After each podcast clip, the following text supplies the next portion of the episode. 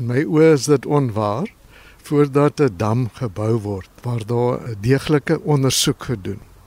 En daai ondersoek vat baie van die verskillende parameters wat invloed het op die opvangsgebied en ook die opbrengs van die water. 'n uh, Tipiese voorbeeld is die grootte van die opvangsgebied, die hoeveelheid reënval in die opvangsgebied. 'n uh, Ander faktor is daai reënval kom hy op dwars deur die jaar of net op 'n spesifieke periode soos 'n somer of 'n winter. Ons drie damme op die weste kant, hulle kry gewoonlik laat winter reënval. Jy praat van die drie damme aan die weste kant. Dit is wat almal dophou en sê Port Elizabeth se watertoevoer is in 'n krisis. Dis die Churchill, die Mpofu en die Kouga damme. Die een nadeel van daai damme is hulle is in dieselfde gebied. So dis die een 'n droogte het dit al drie 'n droogte. En dit is die geval nou. Die opvanggebiede, die reënval daar is, is baie goed. Uh meer as PE party plekke. Maar die ondersoek vat alle bronne in aanmerking en een van die bronne is net uh, buitekant uit Naag op die Swartkopsrivier. Daar's 'n plek daar vir 'n dam wat hulle noem die Eckodale dam terrein en dit word in berekening gebring elke keer daar ondersoek is, maar dit val uit in die ondersoek. Hoekom? Ek dink dit is te klein. Die hoeveelheid water en die koste. Maar die opvangsgebied is te klein. Ja. As ons net kan teruggaan na die Kouga, die Impofu en die Churchill damme. Dit is die Baviaanskloof gedeelte se baie belangrike opvangsgebied en dis vir die Kouga rivier en die Kouga dam as ek dit nie mis het nie en dan vir die Impofu en die Churchill is dit weer die Langkloof wat baie belangrik is. Dis korrek. Hmm. Die Impofu en Churchill is op dieselfde Kromrivier en die Kouga dam se hoofrivier is die Kouga en die Baviaansriviere. Hierdie damme is nou so te sê leeg. Die burgemeester en ander mense praat van 'n dam failure. Maar in al die jare wat jy wateringenieur was hier in Nelson Mandela Bay, toe Kabega nog Port Elizabeth was, het jy al ooit so 'n droogte beleef en die damme op so 'n lae stand? Nee, en ek praat nou vanaf uh, 1980 toe ek begin werk het. Die droogte van 1988 tot 93 was baie erg. En dit is waar ons vir die eerste keer aangesluit het by die Geriepdamwater. Maar daar was 'n uitreiling van water van die Luri na uh, nooit gedagte. So in ander woorde ons allocasie van die Kouga by Luri was verminder van 100 na 62 megaliter per dag. En toe het waterwese dieselfde hoeveelheid aan die ander kant daar gesit. En dit was fase 1 van nooit gedagte. Ons praat met David Reimer, gewese wateringenieur van die ou Port Elizabeth, nou Nelson Mandela Bay, gebye gas mens meer in die kol wil kom. Um en dan moet 'n mens net verstaan wat jy as jy nou praat van die Luri dam. Dit is meer 'n balanseerdam vir water wat uit die Kouga dam kom en wat dan in die waterstelsel van Nelson Mandela Bay gepomp word. Dis korrek, dit is 'n balanseerdam. Hy is basies die einde van die hoofkanaal. So al die oorskietwater gaan in Loridam en die metro onttrek die water daar. Maar Loridam het ook sy eie opvanggebied alhoewel dit redelik klein is. Hy's nou tans op 59%. Ja, en dit is baie misleidend want mense kan dink maar kyk, daar's nou genoeg water in die dam. Ja, uh uh dit's baie uh, maklik om vir die publiek die verkeerde boodskap te kry en en dinge aan te neem. Ja.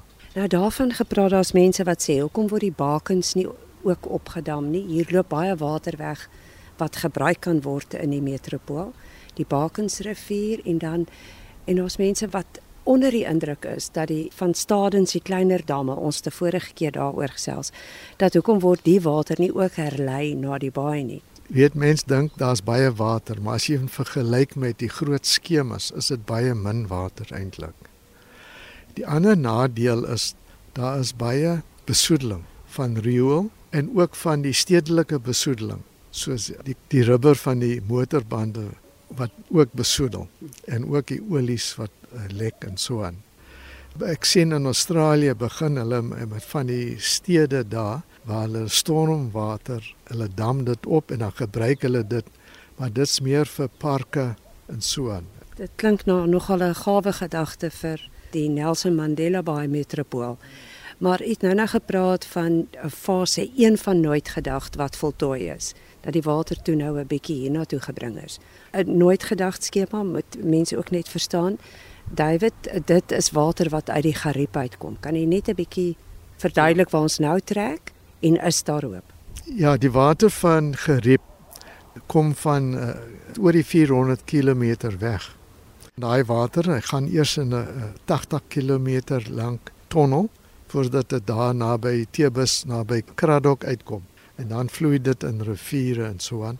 Die doel van dit is vir besproeiing maar ook vir stedelike water. Gramstad, Makanda trek nou ook water uit die Visrivier wat van Geriepdam kom.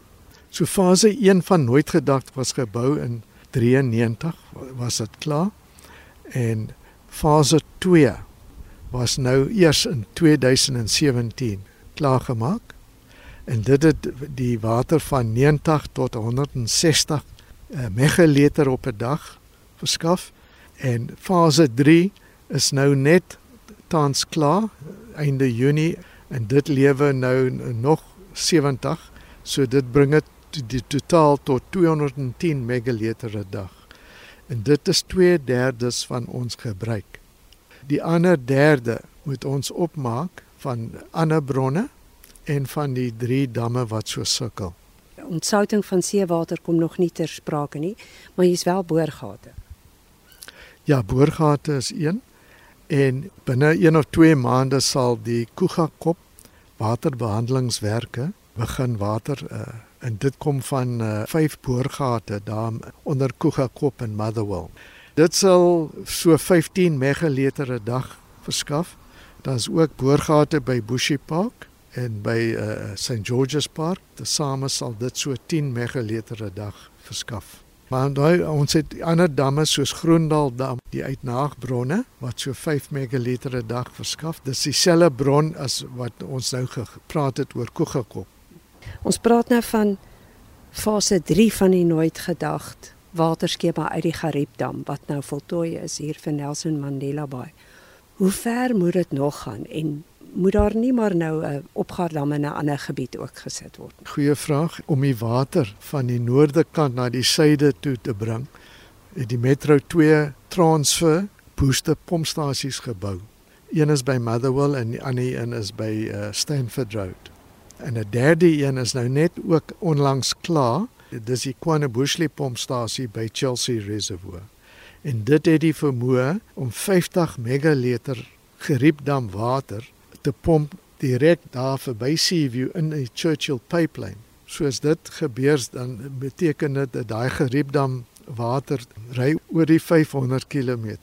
So die baai gaan nie heeltemal droog word nie gegeewe die geriepdam altyd in sy opvangsgebied reën kry. En as daar miskien nou 'n dam aan 'n ander kant gebou word, ons weet nie of dit effektief sal wees nie. En dan moet 'n mens maar net hoop dat reën weer eendag in die opvangsgebiede van die baai se opgaardamme. Ja, ek hoor waterwese ondersoek 'n vierde fase van nooit gedagte. Nou toe nooit gedagte eers beplan was, was dit beplan vir vier fases. Die grond is daar vir die waterwerke, maar die skepersvlakte dam is te klein. So dit's langs skepersvlakte om daar ook 'n dam te bou. Maar ons het die riviere binne die stede wat water kan verskaf. Ons het die Swartkopsrivier wat baie erg besoedel is. Ons het die Bakensrivier wat ook besoedel is. En dan is daar ook die Sharksrivier wat verby Happy Valley gaan. Dit is eintlik dit wys net water reg rondom die metro, maar ons kan dit nie gebruik nie. Dit wys net hoe mors ons met water. Ja, dit is ongelooflik. Mense wil nie besef die belangrikheid van water en wat 'n kosbare bron dit is. Ons moet ons leefstyl en mindset verander. En as ons dit kan regkry, sal ons goed gaan in die toekoms.